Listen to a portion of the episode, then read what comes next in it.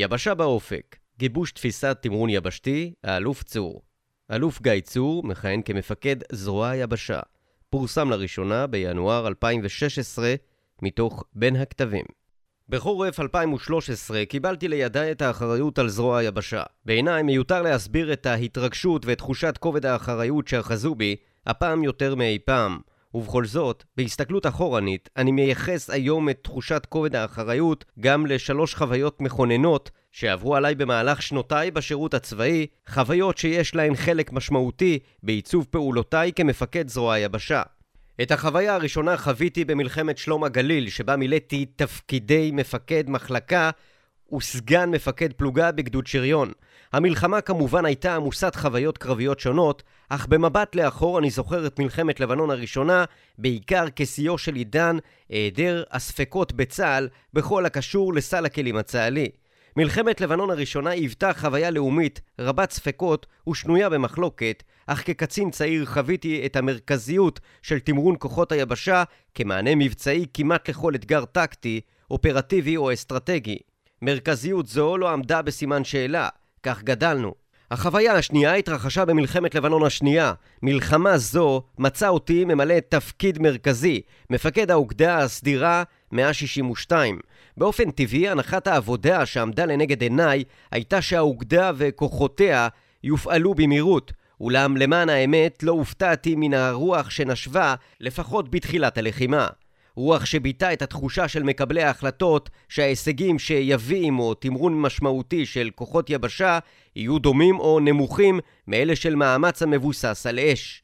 המחירים לעומת זאת יהיו כבדים יותר בהרבה. ב-13 ביולי התייצבנו במטה פיקוד הצפון וביקשנו להיות האוגדה הנוספת אשר תופעל לתמרון יבשתי בלבנון. בקשתנו אושרה בשלב ההוא לצורכי תכנון בלבד, וב-19 ליולי צורפנו רשמית לסד"כ הפיקוד וקיבלנו אחריות על הגזרה המזרחית בלבנון. ב-10 באוגוסט, לקראת ההחלטה על מהלך התמרון העיקרי של המלחמה, שתוכנן להתחיל ב-11 בחודש, התקשר אליי בעצמו ראש הממשלה, מר אהוד אולמרט. נראה היה שהטלת מהלך קרקעי מרכזי, מהלך שממנו נמנעה הממשלה יותר משלושה שבועות עד אז, היווה נטל כבד. ראש הממשלה ביקש לברר איתי באופן ישיר האם סביר לדעתי להמתין עוד יממה טרם קבלת ההחלטות. השיחה התקיימה בעקבות לחץ שהופעל עליו בצדק מן הצבא. הכוחות הפרוסים בשטח בהמתנה חשופים, והתמשכות ההמתנה עלולה לגבות מחיר. תוכנית שינוי כיוון 11 השיגה את יעדיה הקרקעיים, אמנם במחיר לא קל של נפגעים לכוחותינו, אך גם לא חריג במיוחד. אולם עם סיום המלחמה, הדבר שנצרב בזיכרוני היה הקושי שבו נתונים מקבלי ההחלטות להוציא את התמרון היבשתי לדרך. את החוויה השלישית חוויתי במלאי את תפקיד ראש חטיבת התכנון במטה הכללי, שממנו הדברים נראים ברורים יותר. די מהר התברר שבעצם כל מקרה לגופו, דחיית המתקפה היבשתית לרגע האחרון, נראית כהחלטה סבירה ופעמים נכונה מאוד. אם ניתן לממש את המטרה האסטרטגית של המבצעים, הרתעה באמצעות אש מנגד בלבד, מבלי לסכן את כוחותינו, נראה כי זאת תמיד חלופה עדיפה.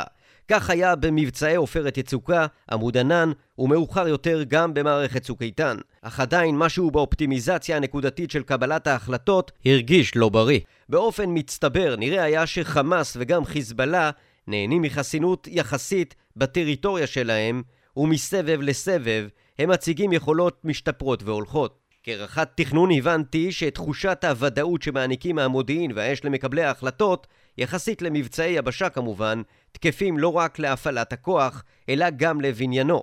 התרומה של כל חימוש מדויק שמצטייד בו חיל האוויר היא קונקרטית וברורה. בתנאי העליונות האווירית של חיל האוויר בסביבה שלנו, תרומה זו תלויה רק בדבר אחד, מודיעין איכותי. השקעה בצמד אוויר ומודיעין והיא ההשקעה הברורה ביותר מזווית הראייה של המטה הכללי לשם השגת הישגים מבצעיים קונקרטיים הקשורים לשחיקת מטרות ערכיות של האויב. יתר על כן, היחס בין ההישג לבין כל שקל מושקע נראה לא רק ברור מאוד, אלא גם כדאי יחסית. היבשה לעומת זאת היא מסה ענקית של כוחות והתאמתו של כוח יבשתי לתנאי הלחימה החדשה היא למעשה יקר ומורכב. נדרש להתמודד עם איומי הטילים החדשים נגד טנקים, לספק לחיל הרגלים יכולות לוחמה בסבך, בשטח בנוי ובטווח התת-קרקעי, להתמודד עם איום מטענים, לאפשר אורך נשימה לוגיסטי ועוד ועוד. את כל הפעולות הללו צריך לעשות במכפלות עצומות, וזאת מבלי שברור כלל מהי בדיוק התועלת המבצעית והאסטרטגית שהפעלת כוחות אלה אמורה להביא.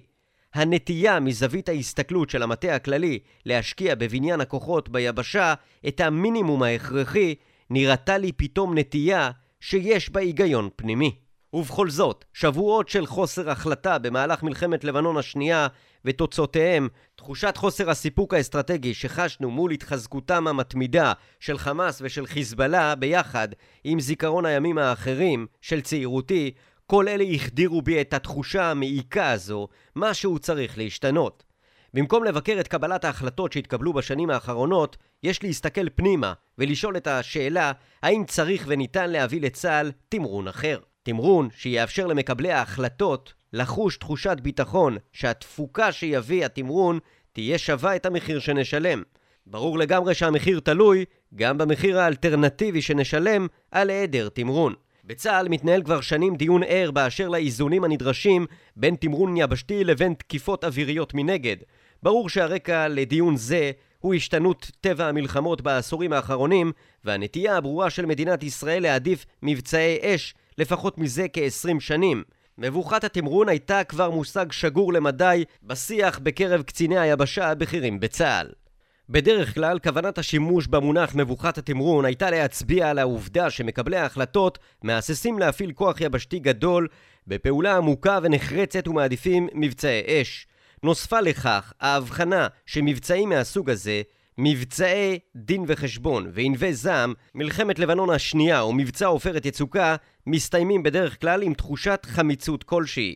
גם ההבחנה שלפיה ממבצע למבצע האתגר האסטרטגי שמציבים האויבים בפני מדינת ישראל רק מחמיר, כבר הייתה נוכחת בשיח. לכולם היה ברור עד כמה חמקמק הפך להיות המושג הכרעה, בעידן שבו האויבים אינם עוד צבאות ערב הסדירים. בה בעת, בהיעדרו של מושג כזה, נראה היה כי נגזרו עלינו עוד ועוד מבצעים חמצמצים, המתנות מתסכלות, החלטות מאוחרות מדי, על מתקפה יבשתית מצומצמת מדי והתחזקות נוספת של האיומים הצבאיים על מדינת ישראל. ובכל זאת, מבוכת התמרון לא הגדירה את הבעיה באופן מספק. חלק משמעותי מהקצינים הבכירים בזרוע היבשה חשב עדיין שעיקר הבעיה נעוצה בנכונות של מקבלי ההחלטות לקבל את ההחלטות הנכונות. דעתי בעניין היא שבעבר, אל מול ההישגים הנדרשים שהגדרנו, הפעלנו בעיקר מודיעין ואש, משום שיכלנו להשיג את ההישג הנדרש באמצעותם. האמת היא שאת ההישג הנדרש הגדרנו לעצמנו באופן הקשור למחיר שאותו היינו מוכנים או לא מוכנים לשלם. עם זאת, בעוד שניתן להתווכח על החלטות העבר, נראה שבמלחמות הבאות אל מול האתגרים שמציב האויב, וכדי להשיג הישג בזמן סביר, נצטרך לספק מענה שיהיה שלם יותר ושיתבסס על כל הכלים העומדים לרשות צה"ל, לרבות תמרון כוחות היבשה. כאשר שאלנו את עצמנו האם בעתיד, בתרחיש המלחמה הבאה, יהיה ברור וחד משמעי שצה"ל יידרש למהלך מתקפה יבשתית רחבה, התשובה הייתה כן. אך לצד התשובה החיובית, הבנו גם את הקושי שהתלווה לקבלת ההחלטה הנדרשת הזאת. מכאן החלטנו להתחיל בתהליך שינסה להביא לצבא תמרון שייתן יכולת שהספקות לגבי הפעלתו ולגבי ההישגים הצפויים ממנו ייעלמו. כשהחלטנו בזרוע כי דרוש לנו תהליך חשיבה רציני שיעסוק בשאלת התמרון היבשתי, עמדה לפנינו דילמה של ממש. שתי גישות עמדו על הפרק. האחת נטטה לבצע תהליך יסודי של ניתוח מבצעי שבו ניתוחים מודיעיניים מפורטים אמורים היו להעמיד בפני זרוע היבשה את מגוון האתגרים המבצעיים העתידיים לעמוד בפני כוחות היבשה, איומי הטילים נגד הטנקים, מרחבי הלחימה המורכבים בסבך הערירי ובשטחים הבנויים והחפורים, אתגרי מטעני החבלה וכדומה. העמדה בהירה ומפורטת של שלל האתגרים הייתה מאפשרת לנו להתחלק לצוותי העבודה בהובלת מפקדי החילות ולפתח מענים מבצעיים לאתגרים השונים. קשה לעמוד בפני הלוגיקה השיטתית של תהליך זה, ואכן באפריל 2014 זו הייתה הנטייה שרווחה אצלנו. הגישה השנייה הייתה ברורה פחות. היא הועלתה בפניי על ידי אלוף משנה ערן אורטל ממרכז דדו, שבו מצאתי שותף מקצועי לאורך הדרך.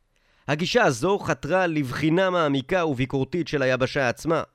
צריך לדבר על ההקשר הרחב יותר של התמרון היבשתי, הם אמרו. יתר על כן, ההקשר אינו מתמצא רק בשינוי של אופי האויב מצבאות סדירים לארגונים כמו חמאס וחיזבאללה, אלא הוא קשור גם למשבר המשאבים, למגבלות חברתיות וגם לשינויים אחרים בסדר היום הצה"לי. היו אלה טיעונים כלליים שמשמעותם המעשית לא הייתה ברורה, ובכל זאת, שאלה אחת שנשאלה באחת ההתייעצויות נקרא בראשי. למה שנגיע לתשובות חדשות, כאלה שלא הגענו אליהן קודם? ובאמת, בגישת הניתוח המבצעי, קיימנו כבר את כל סדנאות בניין הכוח הקודמות שלנו. יתר על כן, זהו פחות או יותר התהליך המבצעי הרגיל שמתקיים בזרוע היבשה. דבר חשוב נוסף שעמד לזכות גישת הלמידה הארוכה והביקורתית היה מעשה אמ"ן, תהליך הלמידה האסטרטגי שהוביל ראש אמ"ן דאז, אלוף אביב כוכבי, העמיד כבר בעת ההיא את תפיסת הלוחמם שהפכה להתארגנות בין זרועית מעשית וניכר היה שהתהליך שינה את אגף המודיעין של צה"ל בממדים נוספים. מעשה אמ"ן ייצג אם כן את המורכבות ואת ההשקעה העצומה שדורשים תהליכים מהסוג השני, אך גם את הפוטנציאל המעשי שלהם. ההחלטה נפלה. באביב 2014 התנענו תהליך למידה אסטרטגי רחב בשם יבשה באופק. התחלה קשה. איך מתחילים מהלך למידה זרועי רחב? כיצד מפרקים את מעטה הספקנות, לעתים עד כדי ציניות, המאפיין אותנו כל כך, במיוחד בהקשר של תהליכי מחשב, מחשב, אסטרטגי. בחודשי האביב של שנת 2014 שמנו הדגש על שיתוף מרבי של קציני החיל הראשיים, של התה"לים בזרוע ושל קבוצת מפקדים מובילים בגיבוש התהליך עצמו. אחרי סדרה לא פשוטה של דיונים, הגענו למספר החלטות משותפות. ההחלטה הראשונה, המניע לתהליך. הסכמנו כי ההקשר הייחודי שמאלץ את היבשה לצאת למהלך של חשיבה מחודשת קשור בכמה ממדים. הממד הראשון, הממד האסטרטגי והמבצעי, התפרקות הצבאות הסדירים, עליית תופעת מלחמות האש, שדה הקרב המורכב החדש ואי היציבות בגבולות. הממד השני, ההקשר של יחסי זרוע היבשה וצה"ל, מגמות הקטנת הסד"כ, קיצוץ תקציב האימונים, דרישות הבט"ש הגדולות המאיימות על יכולת ההתעצמות של הזרוע, חוק המילואים והתקציב הקטן. הממד השלישי, ההקשר הלאומי, העובדה שהתמרון היבשתי ההתקפי הפך למוצא אחרון ולא רצוי, כפי שמעידים המבצעים האחרונים, יחסי צבא-חברה ומשמעויות למתגייסים, לצבא, היבשה וכדומה. ולבסוף, ההקשר הטכנולוגי. האם באמת מיצינו את פוטנציאל עולם הרשת והדיגיטציה ואת ההתפתחות המהירה של עולם הטילים כדרכים לשינוי האופן שבו אנו חושבים על פתרון האתגרים הנוכחיים? ההחלטה השנייה, מתווה התהליך לתפיסתי היה זה קריטי שהפורום המוביל ביבשה, קבוצת תתי האלופים במפקדת הזרוע וכמה ממפקדי האוגדות יהיו שותפים כבר בהתחלה להחלטה על תהליך הלמידה ועל עיצובו. קיימנו דיון ייעודי שעסק בהבחנה בין תהליכי מטה ודיונים רגילים לבין האופן שבו מתקיימים תהליכי למידה ביקורתיים ויצירתיים. בסיכומם של שני דיונים יכולנו להגיע להסכמה על כמה מעקרונות התהליך. אחת, חלוקת התהליך לשלב עיצוב שמטרתו לגבש תפיסה חדשה ולשלבים עוקבים של תכנון ושל מימוש שעניינם להפוך את התפיסה לממשות ולהזין את התהליך התפיסתי בהבנות נוספות מלמטה. 2. ארכיטקטורת הניהול של שלב העיצוב שתבוסס על צוותי עבודה נושאיים בראשות תתי-אלופים שיזינו את הפורום המרכזי בניתוחים ביקורתיים על הנושאים שיוגדרו. 3. לוח זמנים גיבשנו תוכנית לשלב העיצוב שנועד להימשך עד סתיו 2014. ההחלטה השלישית, תפיסת הלמידה. הפורום הסכים על גישה משותפת לתהליך הלמידה ובתוכה חמישה עקרונות מובילים. אחת, התבססות משותפת על המניעים שאותם סימנו לתהליך, האתגר האסטרטגי, אתגר המשאבים, האתגר הלאומי והפוטנציאלים שאינם ממוצים. 2. מתן משקל בשלב העיצוב ליצירתיות, גם אם בשלב זה בלבד, על חשבון מעשיות. 3. הובלת מפקדים. תהליכי החקירה בצוותים יובלו באמת ובתמים על ידי המפקדים שמונו ולא על ידי קצינים כפופים. 4. חקירה מבוססת בחינה היסטורית. בחינת התהליך שעברנו בראייה לאחור שתאפשר לצוותי העבודה לחשוף את המקורות ההיסטוריים של כמה מתפיסותינו ואולי תאפשר עיון ביקורתי מחדש בתקופתם. 5. גישה מנומקת לדיונים, שתאפשר לייצר נקודות חיבור והשקה בין השקפות שונות, במקום התנצחויות בין דעות. ביוני 2014 קיימנו את הדיון הראשון בתכנים עצמם.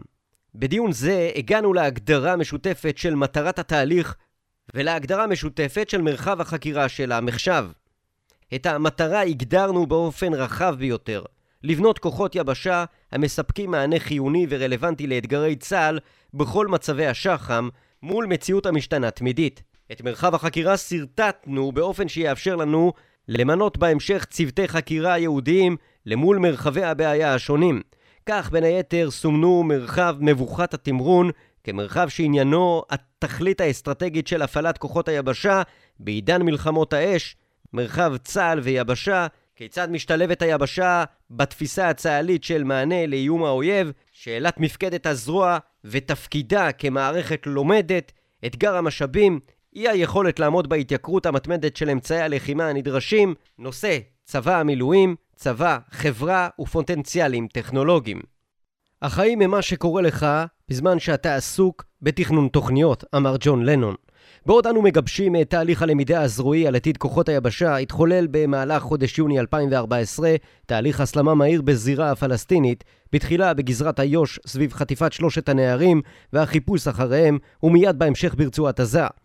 ב-7 באוגוסט החלה מערכת צוק איתן וזרוע היבשה התגייסה למלא את חלקה בהכנת הכוחות ללחימה ולתמיכה בלחימה עצמה. בילינו כולנו, ממפקד הזרוע, ראש המטה ומפקדי החילות, ועד אחרון הקצינים והנגדים בחילות ובחטיבות ומחלקות המטה השונות ברצועת עזה, בבסיסי הלוגיסטיקה, בשטחי הפריסה, במפקדות הקדמיות ועם הכוחות במטרה לתרום ככל הניתן להגברת האפקטיביות המבצעית בלחימה. לחימה היא שעתנו היפה, המסירות, הרעות, היצירתיות, היוזמה, כל אלה באים לידי ביטוי עילאי נוכח פני האויב והאיום על אזרחי המדינה.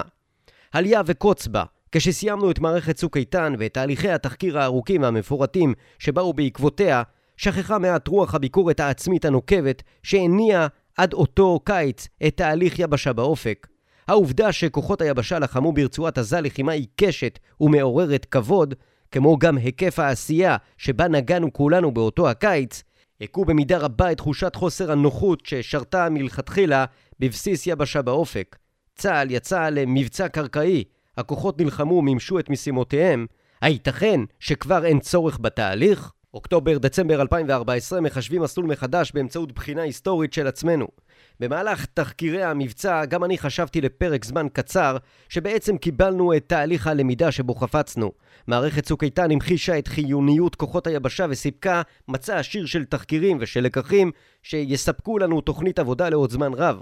הזרוע הייתה שקועה בתהליכי התחקור ובתוכניות עבודה ליישום הלקחים, ובכל זאת, כך נזכרנו לבסוף, גם בצוק איתן יצאה ההתקפה רק אחרי שהאויב תקף בעצמו לתוך שטחנו ממנהרות. גם בצוק איתן, מטרת ההתקפה הקרקעית הייתה מוגבלת מאוד. בעצם, צוק איתן לא הייתה במהותה אירוע יוצא דופן כל כך ביחס למבצעים של צה"ל בעזה ובלבנון בשני העשורים האחרונים. נדרש היה אם כן לטעון את יבשה באופק באנרגיה מחודשת. משימה לא פשוטה בסתיו 2014. ההצעה שהועלתה הייתה דיון גניאלוגי, העמדת מערכת צוק איתן בתוך ההקשר ההיסטורי של מבצעי היבשה בעשורים האחרונים, באופן שיאפשר חשיבה ביקורתית שלנו על עצמנו. מכינה כזו אולי תאפשר לנו, כקבוצה, לבחון את צוק איתן בפרספקטיבה מאוזנת יותר, למרות החוויה והמחויבות הרגשית שחווינו בקיץ האחרון. האמת היא שלא ייחסתי לדיון הגניאולוגי הזה משמעות רבה. מה כבר אפשר לספר לנו על מבצעי היבשה שברובם השתתפנו, אני ובכירי הזרוע באופן אישי, שאיננו יודעים. לכן, על בסיס אותה הצעה קיימנו את הדיון הראשון שאחרי צוק איתן במעגל מצומצם של כשמונה משתתפים. הדיון שהתקיים בחודש אוקטובר הפתיע אותי. העמדה שיטתית וחכמה של ההיסטוריה המוכרת לכולנו אפשרה לנו לחשוף את התהליך ההדרגתי והאיטי שעיצב למעשה בעשורים האחרונים את תפיסת צה"ל ואת תפיסת היבשה בתוכו. כולנו השתתפנו בתהליך הזה, אבל רמת המודעות שלנו כלפיו הייתה נמוכה. ההסתכלות ההיסטורית אפשרה לנו לגבש מודעות משותפת לקשרים שבין מגמות אסטרטגיות של ממשלות ישראל בשנות ה-90 לבין מגמות בהגות ובעשייה צבאית במערב. מערכות מוכוונות אפקטים, מלחמות קוסובו והמפרץ ועוד. ולבין המגמות של צה"ל, מבצעי אש בלבנון בשנות ה-90, לצד איום בהפעלת כוחות היבשה, שיטה שיובא לרצועת עזה במהלך שנות האלפיים. היה זה דיון סוער, כולנו היינו שותפים במבצעים שהוצגו על גבי השקף, ולכולנו היה מה לומר להגנתם או לגנותם. בסיכומו של הדיון השגנו התקדמות בשני ממדים. בממד הראשון התקדמנו התקדמות של ממש בהגדרת הבעיה של כוחות היבשה. התברר שמן הצד האחד מדינת ישראל רואה במבצעי היבשה כמסוכנים וכעיקרים מדי בחיי אדם ומן הצד האחר רואה המדינה את המבצעים כרלוונטיים במידה מוגבלת מאוד ביחס לאיום העיקרי של האויב, האיום של שיגור רקטות לעורף ישראל. מצאנו יחס ישר בין הרלוונטיות של כוחות היבשה כלפי האיום שנשקף לעורף לבין הנכונות להפעלתם. בחומת מגן לא היה ספק שרק כיבוש הערים הפלסטיניות וחזרה למתכונת החיפוש והמעצר של מחבלים תאפשר לצמצם את הטרור בישראל. בצוק איתן היה ברור שרק כוח יבשתי יוכל לאתר את פראי המנהרות ולהשמידם. ביתר המבצעים נעשה שימוש בכוחות היבשה כמוצא האחרון בלבד ולמטרות מוגבלות. בממד השני, הדיון שלא היה רק אינטלקטואלי, אלא גם חוויה רגשית סוערת, טען את המשתתפים בתחושת המשבר שאבדה לנו מעט, ושבלעדיה לא נוכל להתקדם בתהליך. כמה שבועות לאחר מכן הבאנו את הדיון הזה לפורום המוביל של יבשה באופק, התהליך הותנה מחדש. אך דבר מה עדיין היה חסר. לא היה ברור שכל משתתפי התהליך מבינים כי אנו מחפשים שינוי של ממש, דיאלוג רעיוני, בשונה מההמשכיות בתפיסת היבשה. עדיין נדמה היה שחלקנו סבורים שבשיטת עוד מאותו הדבר, עוד מעילי רוח, עוד נגמשי נמר וכדומה, נביא את הבשורה הנדרשת. הפתרון היה להעמיד דיון היסטורי נוסף שמטרתו הייתה להמחיש את ההבחנה בין המשכיות לבין דילוג בנקודות זמן קריטיות בחיי צה"ל וצבאות אחרים, ולהעביר את ההבדל שבין התפתחות והמשכיות לבין קפיצות תפיסתיות גדולות יותר, שלכמותן אנו מכוונים את התהליך. במסגרת הדיון ההיסטורי זיהינו שני מקרי בוחן, אשר הדגימו הצלחות ארגוניות בהתנתקות מדפוסי פעולה מסורתיים, נוכח מציאות משתנה ובהטמעה נחשונית של תפיסות חדשניות. האירוע הראשון שבחנו היה תהליך התפתחות של ארגון ההגנה טרם קום המדינה והחלטתו של דוד בן גוריון על ביטולו והקמתו של צה"ל. שורשי ההגנה היו נטועים עוד בארגון השומר שהוקם בשנת 1909 ונועד בעיקר לצורכי ההגנה על המושבות ועל אדמותיהן החקלאיות מפני פורעים ושודדים ערבים. ארגון השומר אמנם היה חיוני בתקופה שבה פעל, אך המעבר לשלטון הבריטי בארץ ישראל בשלהי 1917 והיווצרות אתגרים חדשים הצריכו מהשומר מתיחה ארגונית ותפיסתית שבה הוא כבר לא עמד, נוכח אובדן נכסים ולגיטימציה פנימית. החלת המנדט הבריטי שינתה את המציאות שבה תפקד היישוב באופן משמעותי ועלה צורך חדש להגנה מפני כנופיות ערביות מונחות אידיאולוגיה פוליטיות במסגרת מאבק לאומי. למעשה, כארגון המוני עממי, היה ההגנה הגדלה ארגונית של השומר, שאכן היה רלוונטי להתמודדות עם איום הפרעות שבאו מצד ערביי הארץ. עם התקרב סיום המנדט הבריטי וההכרזה על קום מדינת ישראל, הבין בן גוריון כי התפתחות כמותית אינה מספיקה וכי נדרש דילוג איכותי כדבריו. היה צורך בשבירת כלים, כי משטר הביטחון שהיה קיים שנים רבות והייתה בו ברכה רבה, לא התאים עוד לצרכים ולתנאים החדשים, ולא קל אצלנו לשבור כלים אם גם אבד עליהם קלח, כי גם ההפכנים שבתוכנו הם ביסודם שמרנים אדוקים, ואצלנו מקדשים הקליפה גם כשתוכנה התרוקן, ולא קל היה לשבור כלים, אבל לא פחות קל היה הדבר השני, להקים כלים חדשים. כמו כל הצעה לשינוי, הצעת בן גוריון להפוך את ארגון ההגנה לצה"ל איימה על הסביבה הביטחונית הפנימית של המדינה שבדרך, והחל מאבק איתנים שלא הוכרע עד תחילת מלחמת העצמאות.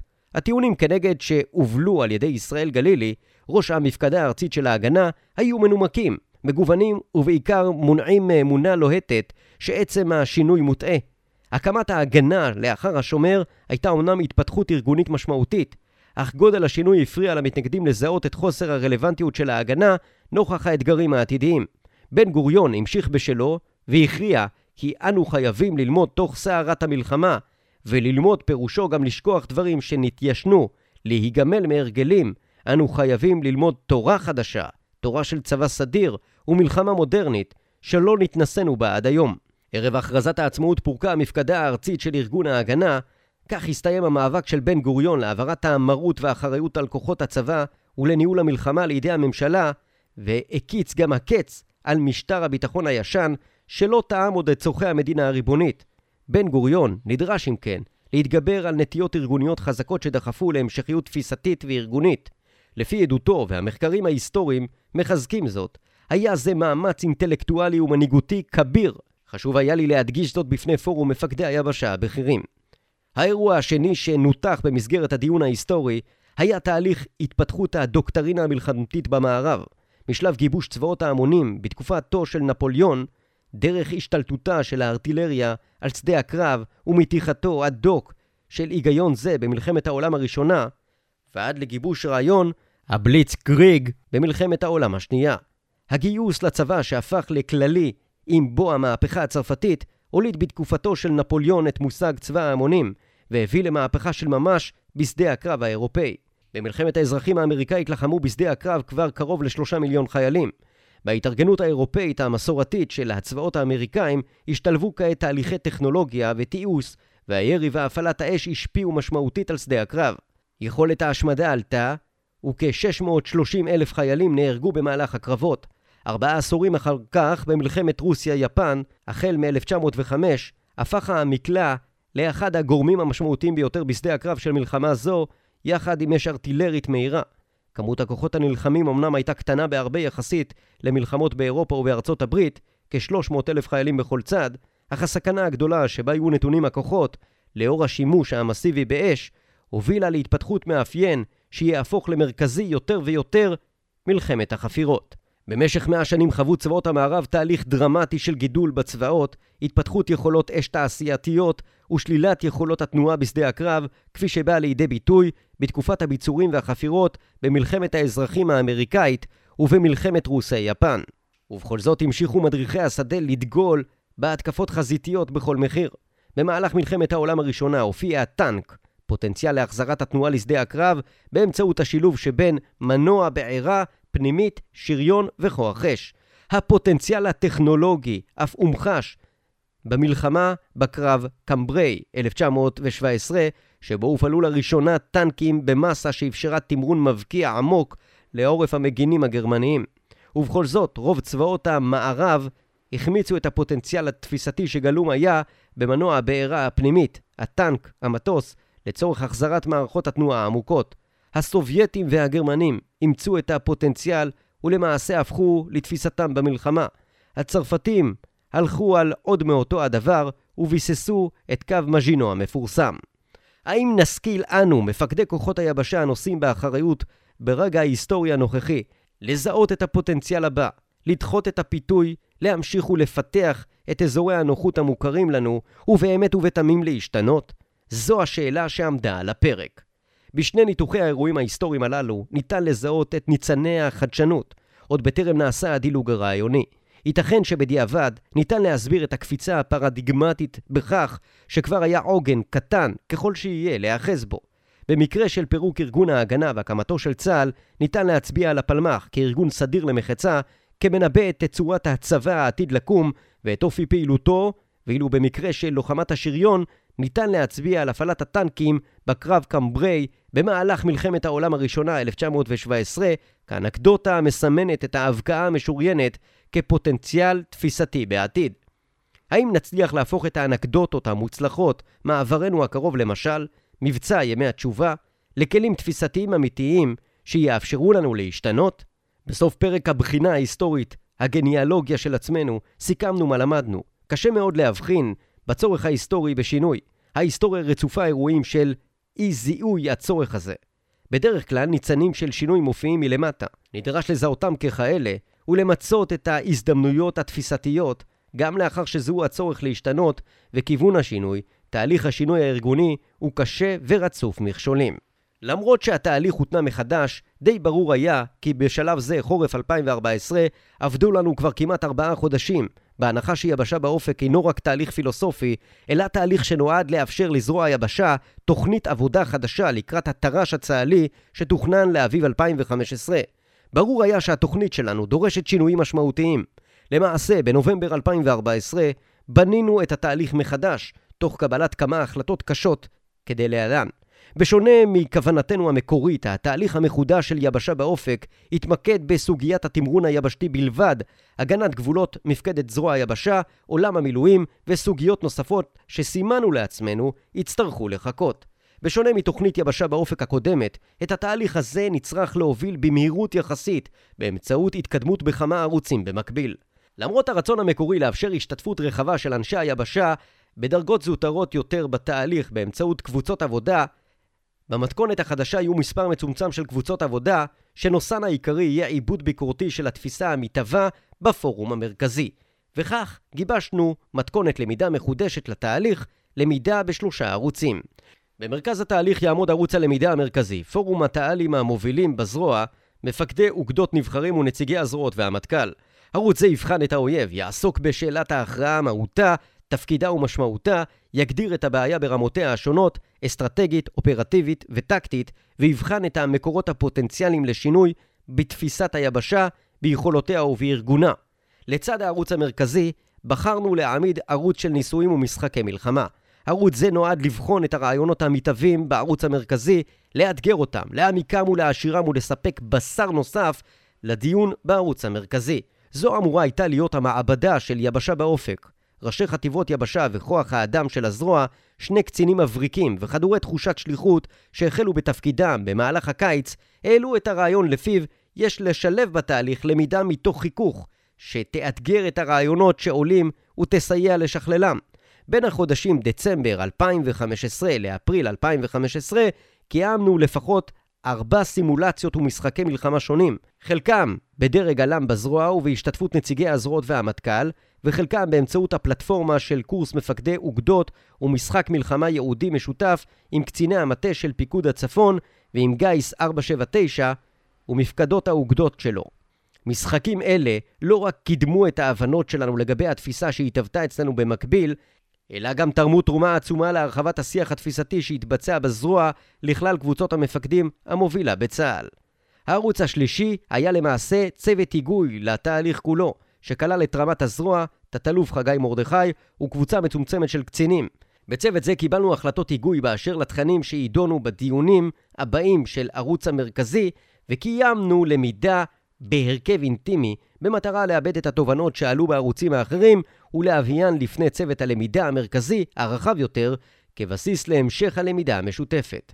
בנובמבר 2014 יצאנו אם כן מחדש למסע החקירה העצמי שלנו. יבשה באופק, התהוות התפיסה. יצאנו אם כן לדרך מחודשת. הדיון ההיסטורי הביקורתי תרם לנו את ההבנה שאת השינוי יש לחפש בתוך עצמנו. היבשה היא שצריכה להציע אופק אסטרטגי אחר שישרת בתורו את תפיסת ההכרעה החדשה של צה"ל. התרומה הנוספת של ההסתכלות ההיסטורית הייתה נקודת האור שהיא סיפקה לנו. מצאנו במקרה שכמעט נשכח מבצע ימי תשובה ב-2004. דוגמה להפעלה חדשנית ומוצלחת מאוד של כוח משולב, יבשה, אוויר, מודיעין. יתר על כן, הבנו כי קיימים שני תנאים הכרחיים לשינוי תפיסתי וארגוני של כל ארגון. האחד, רצון להשתנות, היבשה כשם כולל לקבוצת המפקדים הבכירים המובילים אותה, צריכה לרצות בכל מאודה להשתנות. אין זה דבר פשוט, גם אם הצורך בשינוי הוא מובן לצופה מן החוץ, די ברור ששינוי כזה יהיה בהכרח רווי בכאבים וביציאה מאזורי הנוחות של רבים מאיתנו. מכיוון שהחסמים לשינוי הם גדולים, נדרש תנאי הכרחי שני, הכרה של הארגון כי השינוי הוא אפשרי ובר מימוש. בלי האמונה שישנו אופק אחר, נגזר על תהליך אסטרטגי להיתקע בשלב הציניות המקובל במקומותינו ולהישאר בגדר תיאור נוסף, גם אם אינטליגנטי מאוד, של הבעיה. כאמור, הדיון ההיסטורי סיפק לנו שתי נקודות אחיזה הקשורות הן בתנאי הראשון, תחושת משבר אמיתית, שהיא פועל יוצא של בחינת ההיסטוריה של 20 השנים האחרונות, כלומר לא משבר רגעי, והן בתנאי השני, היכולת לעשות שינוי. באשר למשבר, כבר בתהליך למידה קודם שנעשה בזרוע, הבחנו כי בדרך כלל האויב רואה ראשון, יורה ראשון ונעלם, טרם מומשה יכולת התגובה שלנו. בנוגע להזדמנות מצאנו כי השילוב הנכון של אוויר ויבשה, בתנאים של מערכת פיקוד ושליטה אחודה וקבלת החלטה מהירה, עשוי לייצר אפקטיביות עצומה גם מול אויב שחמקמקותו אומנותו. כמובן שמאז 2004, ימי תשובה, האויב למד את דרכי הפעולה שלנו, ולכן הפוטנציאל שמצאנו הותנה בדרכי מימוש יצירתיות חדשות. מנקודה זאת חתר תהליך הלמידה למיצוי שני, אפיקי דיון. האחד, הגדרה מדויקת ככל הניתן של הבעיה שאותה צריך לפתור. השני, חיפוש כל פוטנציאל השתנות אפשרי ומיצוי הדיון בתועלת ובאפשרות לממשו. באפיק הראשון בחרנו במתאר ייחוס עיקרי שיסייע לנו במיקוד הדיון. זיהינו את חיזבאללה כמקרה בוחן מחמיר ומייצג של האויבים מהסוג החדש שלהם נדרש צה"ל להיערך ולמדנו היטב את תפיסת הלחימה שלו ואת מגמות ההתעצמות העתידיות שלו. הבנו כי על מנת לממש הכרעה אופרטיבית של אויב מסוג זה, אויב מסתתר, ערוך היטב להגנה בשטחים מורכבים, ומבסס את ההתקפה שלו בעיקר על מתקפת אש אינטנסיבית לעורפנו, ממרחבי שיגור עצומים בעומק מדינתו, נדרש לבצע שני דברים בו זמנית. מן הצד האחד להלום בעוצמה במרכזי כובד של הארגון, ומן הצד השני לדכא ביעילות את פעילותו בתאי שטח עצומים בגודלם. החידה, אם כן, היא כיצד עושים את שני הדברים בו זמנית בלי להגדיל משמעותית את סדר הכוחות של צה"ל. מכיוון שהאויב ערוך היטב לקרב ההגנה הקרקעי שלו, נדרש לעשות את כל זאת תוך הבטחת שיעור נפגעים מצומצם בקרב כוחותינו ובקיבועי זמן מהירים שיחסכו לעורף שבועות של שהייה במקלטים. באפיק הדיון השני, בניצוחו של ראש מטה הזרוע, תת-אלוף חגי מרדכי, סרקנו במסרק דק את מירב הרעיונות התפיסתיים והטכנולוגיים שנתפסו בעינינו כרלוונטיים לדיון. כלומר, את הרעיונות שיש בהם פוטנציאל לשינוי רצוי. קיימנו לפחות עשרה דיונים בפוטנציאלים שאיתרנו, תפיסות מוטות, כוחות מיוחדים, תפיסות מוטות תנועה מהירה לעומק האויב, תפיסות מוטות טכנולוגיה חדשה ועוד. חלק מהתפיסות הובאו לבירור נוסף בערוץ המעבדה, משחקי מלחמה לבחינת אחדות מהתפיסות שהתקיימו במסגרת השתלמות מפקדי אוגדות, במסגרת פורום ראשי מחלקות התורה של הזרוע, ועל גבי פלטפורמות ניסוי וחשיבה נוספות. מרחב הדיון התברר כעצום אך הזמן הלך והתקצר. באביב אמור היה המטה הכללי, בהובלתו של הרמטכ"ל החדש, רב-אלוף גדי איזנקוט, להתכנס לסדנה שתקבע את תפיסתו העתידית של צה"ל ואת תוכנית ההתעצמות שתגבה אותה. איך מכנסים תהליך כזה? בחרנו להעמיד שלוש קבוצות עבודה, שכל אחת מהן תנסה לעבד את הכיוונים התפיסתיים השונים שיצרנו עד אותה נקודה מתוך הדיונים שקיימנו.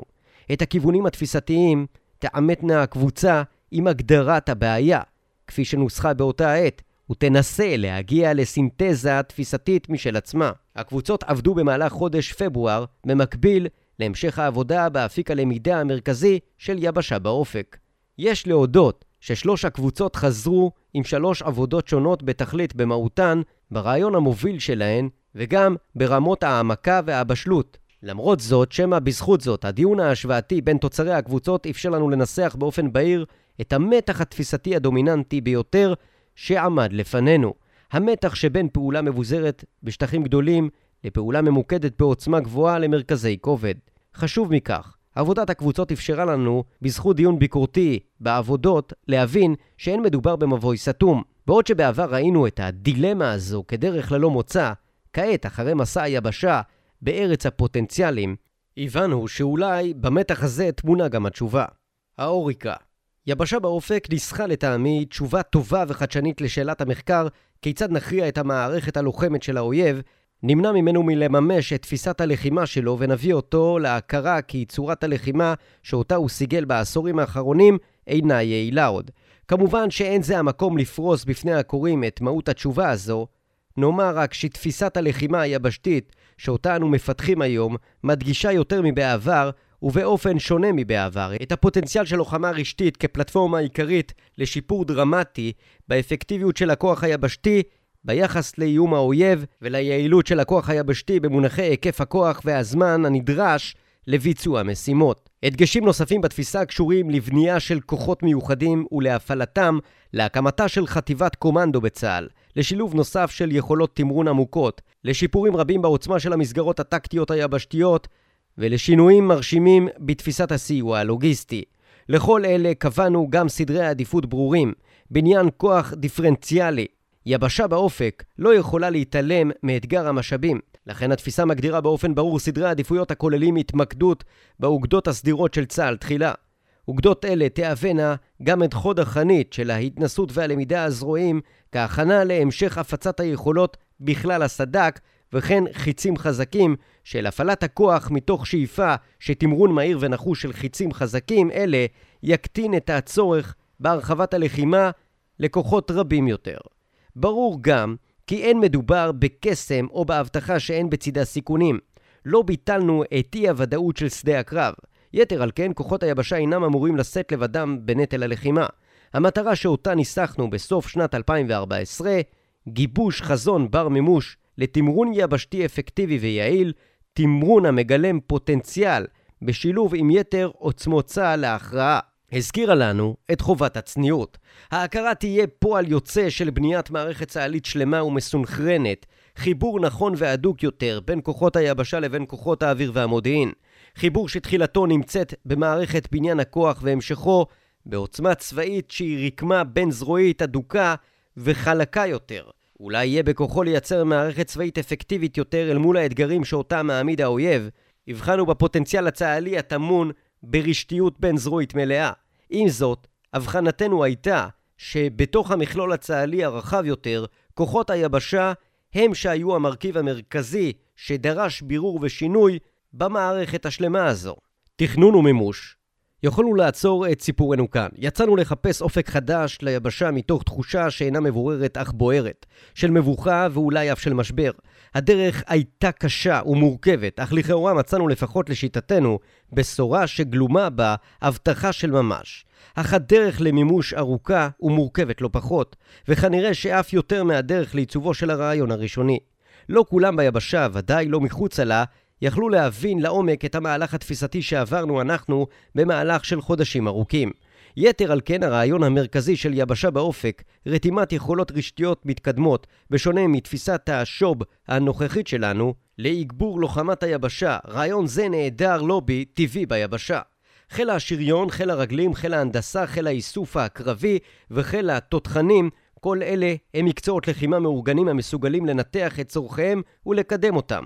לוחמה רשתית, לעומת זאת, לא רק שאינה מהווה ארגון או חיל בזרועות היבשה, אלא שהיא גם נתפסת בטעות כאיום מסוים על תפיסת ציד, צבא יבשה דיגיטלי, תפיסה חשובה ורלוונטית שאותה קידמנו בזרוע עד כה באמצעות מנהלת וענפים ייעודיים במטה הזרוע. וכך יצאנו באביב 2015 לתכנון מקביל. גיבוש מפורט יותר של תפיסת יבשה באופק מן הצד האחד, תכנון התר"ש והצטיידות והמימוש של תפיסת הלוחמה הרשתית שלנו ברמה האמל"חית מן הצד האחר, ודיון על האופן שבו נדרשת הזרוע להתארגן מחדש לאור התפיסה החדשה מן צד נוסף. את כל אלה עשינו במקביל למהלכי תר"ש, גדעון ולאי הוודאות העצומה שנוצרה ביחס לשאלות ארגוניות בלתי תלויות שעלו באותה העת, כמו שאלת איחוד אפשרי בין זרוע היבשה לאגף הטכנולוגיה והלוגיסטיקה, שאלות ההתכנסות בכוח אדם בהיקפים דרמטיים וסוגיות נוספות. הנסיבות הצבאיות האסטרטגיות, הטכנולוגיות והחברתיות של העשורים האחרונים הביאו את צה"ל לתהליך של דחיקת התמרון היבשתי ההתקפי ממרכז הבמה של התפיסה הצבאית והאסטרטגית. שנים רבות נראה היה שהפתרונות האחרים שגיבשנו לעצמנו, מודיעין ואש מדויקים בעיקר, הגם שאינם מביאים ניצחונות צבאיים מרשימים, מספקים מענה אסטרטגי סביר לאתגרים. יותר ויותר מתחדדות אצלנו ההבנה בעימותים ובמלחמות העתידיות לא ניתן יהיה עוד להסתפק בתפיסת הפעלת האש מרחוק וגם לא במהלכי תמרון יבשתיים מוגבלים. בבניין הכוח נוצר מצב שבו צה"ל הלך וחיזק את יכולות המודיעין והתקיפה שלו ובנה את אחת מהמערכות המתקדמות ביותר בעולם בתחומים אלה, אך בעודו מחזק את רגל המודיעין והתקיפה, נשארה הרגל היבשתית מאחור. יבשה באופק מעל הכל חותרת לחבר את כוחות היבשה באופן עמוק, מעשי ועמיד בתנאי קרב, ליכולות הצליות שהתפתחו מאוד בתחומי המודיעין, התקיפה האווירית והתקשוב. יתר על כן, יבשה באופק נועדה לבנות כוחות יבשה שתרומתם למודיעין ולקטלניות הצה"לית הכוללת לא נופלת מתרומת המודיעין והתקיפה האווירית לכוחות היבשה. יבשה באופק נועדה לייצר תמרון משולב, אמיתי, שבו הממד המודיעיני, האווירי והתקשובי, ביחד עם נוכחות כוחות היבשה בתוך שטח האויב ובצירוף תמיכה לוגיסטית מתאימה, מאגברים אלה את אלה באופן שיקשה מאוד על האויב להסתגל לקצב המבצעים שלנו. הרעיון הזה של תמרון משולב אמיתי, תשלובת יבשה מודיעין אוויר, ביחד עם מרכיבים יהודיים נוספים הכלולים ביבשה באופק, ישפרו מאוד גם את יכולתו של צה"ל לקיים תמרון עמוק, כפי שמכתיבה אסטרטגיית צה"ל. לצידו של הרעיון גיבשנו גם אסטרטגיית מימוש ריאלית הכוללת את תוכנית ההתעצמות הדיפרנציאלית ואת מתן הדגש על חיזוק הכוח הטקטי בקצה החוד המבצעי של צה"ל. לא הכל בא על פתרונו. הדרך שלפנינו עודנה ארוכה והאתגרים הם משמעותיים, הן בתחום המימוש של יבשה באופק, במתאר תקציבי מאתגר ולמול קשיים ארגוניים לא פשוטים, והן ביחס לאתגרים שסימנו, אך טרם נגענו בהם. אנו מבינים כי תחום ההגנה דורש עיון מעמיק וגיבוש פרדיגמה חדשה, כן אנו מבינים שבעידן של מערכה משולבת ובניין כוח רב-זרועי, נדרש לבחון את מבנה מטה זרוע היבשה המאורגן עדיין בחילות מסורתיים. רפורמות ארגוניות חשובות יידרשו קשב והשקעה של אנרגיה משמעותית מצידנו, כמו השילוב החדש בין זרוע היבשה לאגף הטכנולוגיה והלוגיסטיקה. ועם כל אלה, יבשה באופק מסתמנת, כך להבנתנו לפחות, פוטנציאל אמיתי להתחדשות צה"לית. התחדשות שתשיב את כוחות היבשה למקומם הראוי במארג התפיסתי הצה"לי. החשוב יותר, תספק חיוניות חדשה ואפקטיביות משופרת של כלל העוצמה הצה"לית ביחס לאתגרים האסטרטגיים שמעמידים בפנינו האויבים.